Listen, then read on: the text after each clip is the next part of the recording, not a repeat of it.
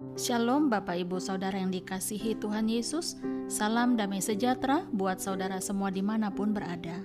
Kembali saya mengajak saudara Mari kita bersaat teduh dan berdoa Dalam renungan penuntun kehidupan setiap hari.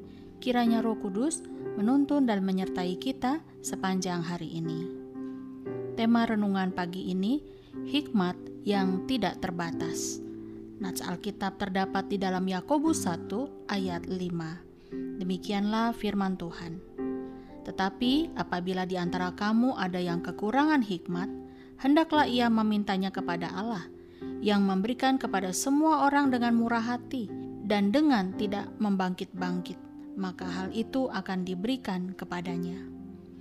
Bapak, ibu, saudara yang dikasihi Tuhan Yesus, manusia secara natural diciptakan Allah dengan kemampuan yang luar biasa, sebab kalau tidak, mana mungkin Adam diberikan tugas dan tanggung jawab untuk memenuhi bumi, mengelolanya, dan menaklukkan segala ciptaan Allah di bumi waktu itu. Bahkan dalam kitab Kejadian 2 ayat 20, Adam memberi nama kepada segala ternak, kepada burung-burung di udara, dan kepada segala binatang yang diciptakan Allah.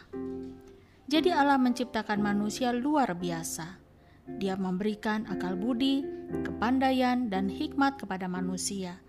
Karena memang Tuhan sendirilah yang menciptakan kita serupa dan segambar dengannya, sehingga kita pun memiliki kemampuan yang dahsyat. Saudara, tentu kita ingat kisah tentang Menara Babel. Setelah air bah melanda bumi, manusia kembali menghasilkan banyak keturunan, dan dari keturunan itu lahirlah bangsa-bangsa yang berpencar memenuhi bumi. Alkitab mencatat pada waktu itu manusia hanya menggunakan satu bahasa dan satu logatnya. Lalu mereka berinisiatif untuk membangun menara yang ujungnya menembus langit. Apakah manusia sanggup membuatnya? Bisa saja, saudara, sebab Tuhan mengetahui bahwa manusia mempunyai kemampuan yang luar biasa, tetapi Tuhan tidak menghendakinya. Tuhan tidak menyetujui alasan mereka membangun menara sehingga dia harus turun tangan. Dengan cara apa, saudara? Dengan cara Allah mengacaukan bahasa manusia di menara Babel, supaya perintahnya bagi umat manusia agar menyebar ke seluruh dunia bisa terlaksana. Kita lihat di sini, memang ini adalah kisah yang negatif, tetapi ini bukti yang sangat kuat. Jika manusia mau mengerjakan sesuatu dan percaya, maka apa pun bisa mereka kerjakan. Tahukah saudara bahwa ketika kita memiliki kemauan yang keras, tindakan yang konsisten, dan pantang menyerah ditambah melibatkan Tuhan, maka kesuksesan tanpa batas dapat kita alami. Untuk itu, kita sangat bersyukur kalau kita diberikan akal budi, kepandaian, dan hikmat. Itu semua adalah anugerah Tuhan. Jadi, manusia dapat menggunakan ketiganya untuk melakukan banyak hal, tetapi tentunya kita harus melakukannya dengan tidak sembarangan, tetapi bertanggung jawab.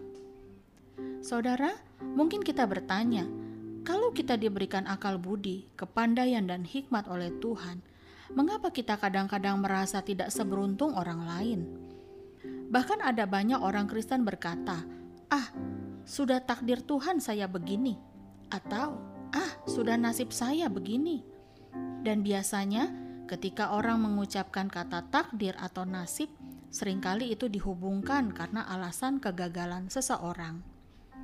Ingatlah, saudara, Tuhan tidak pernah menetapkan sesuatu yang buruk menimpa kita, anak-anaknya. Yang membuat takdir atau nasib kita buruk adalah sikap manusia yang malas, ceroboh, ketidakpedulian, karakter yang buruk, dan kematian iman. Takdir Tuhan bagi setiap orang percaya di dalam Kristus adalah mereka yang ditentukannya dari semula, mereka itu juga dipanggilnya, dan mereka yang dipanggilnya, mereka itu juga dibenarkannya, dan mereka yang dibenarkannya, mereka itu juga dimuliakannya. Roma 8 ayat 30 Saudaraku, saya tidak memungkiri bahwa memang ada orang-orang yang keadaannya lebih beruntung, lebih cerdas, lebih berhasil, lebih kaya, lebih maju, dan lain sebagainya.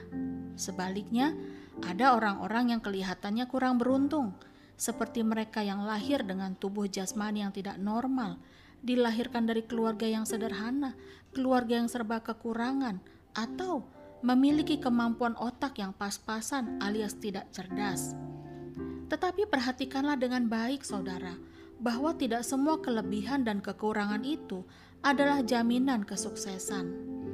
Tanpa kerja keras dan kesungguhan, kelebihan kita tidak akan menghasilkan keberuntungan. Sebaliknya, orang yang sadar akan keberadaannya dan menggunakan kesempatan yang ada dengan sungguh-sungguh berusaha, maka saya yakin mereka juga akan menjadi orang yang beruntung. Jadi, saudaraku, keberuntungan tidak terjadi tiba-tiba, tapi karena adanya kerja keras. Itu sebabnya serahkan semua terlebih dahulu kepada Tuhan, baik akal budi dan kemampuan yang kita miliki, sehingga Tuhan akan menambahkan hikmat ilahinya, kekuatan serta tuntunannya. Sebab firman Tuhan berkata, karena Tuhanlah yang memberikan hikmat, dari mulutnya datang pengetahuan dan kepandaian. Amsal 2 ayat 6 Saudaraku, di akhir renungan ini saya mengajak, marilah kita pertama-tama mengucap syukur bahkan dengan hal-hal sekecil apa pun yang ada dan yang kita alami. Kita harus bisa mencari alasan untuk bersyukur. Sekalipun ada masa-masa di mana kita gagal, tetapi jangan berkata bahwa kegagalan itu adalah nasib atau takdir Tuhan bagi kita melainkan yakini bahwa kegagalan itu bisa diubahkan Tuhan menjadi keberuntungan kalau kita sikapi dengan positif, kerja keras, dan hati yang senantiasa berharap kepada Tuhan. Percayalah saudara, Tuhan akan menuntun kita dengan hikmatnya, bahwa pikiran kita akan menghasilkan sebuah tindakan dan tindakan yang terus-menerus akan menghasilkan sesuatu yang baik. Amin. Mari kita berdoa. Tuhan Yesus, terima kasih buat kebenaran firman-Mu yang mengajar kami bahwa Engkaulah sumber hikmat yang kami butuhkan. Bahkan kepandaian dan pengetahuan berasal daripadamu ya Bapa. Berikanlah kepada kami hati yang senantiasa optimis, hati yang percaya, dan kekuatan untuk tidak mudah menyerah dalam hal apa pun. Karena walau kami terbatas, kami punya Tuhan yang tidak terbatas. Di dalam nama Tuhan Yesus kami berdoa. Amin. Kiranya berkat yang sempurna dari Allah Bapa, kasih karunia dari Tuhan Yesus Kristus dan persekutuan yang indah dengan Roh Kudus menyertai kita dari sekarang ini dan sampai selama-lamanya. Maju terus dalam tuntunan Tuhan saudaraku, tetaplah semangat. Sampai jumpa esok hari di penuntun kehidupan setiap hari dan Tuhan Yesus memberkati.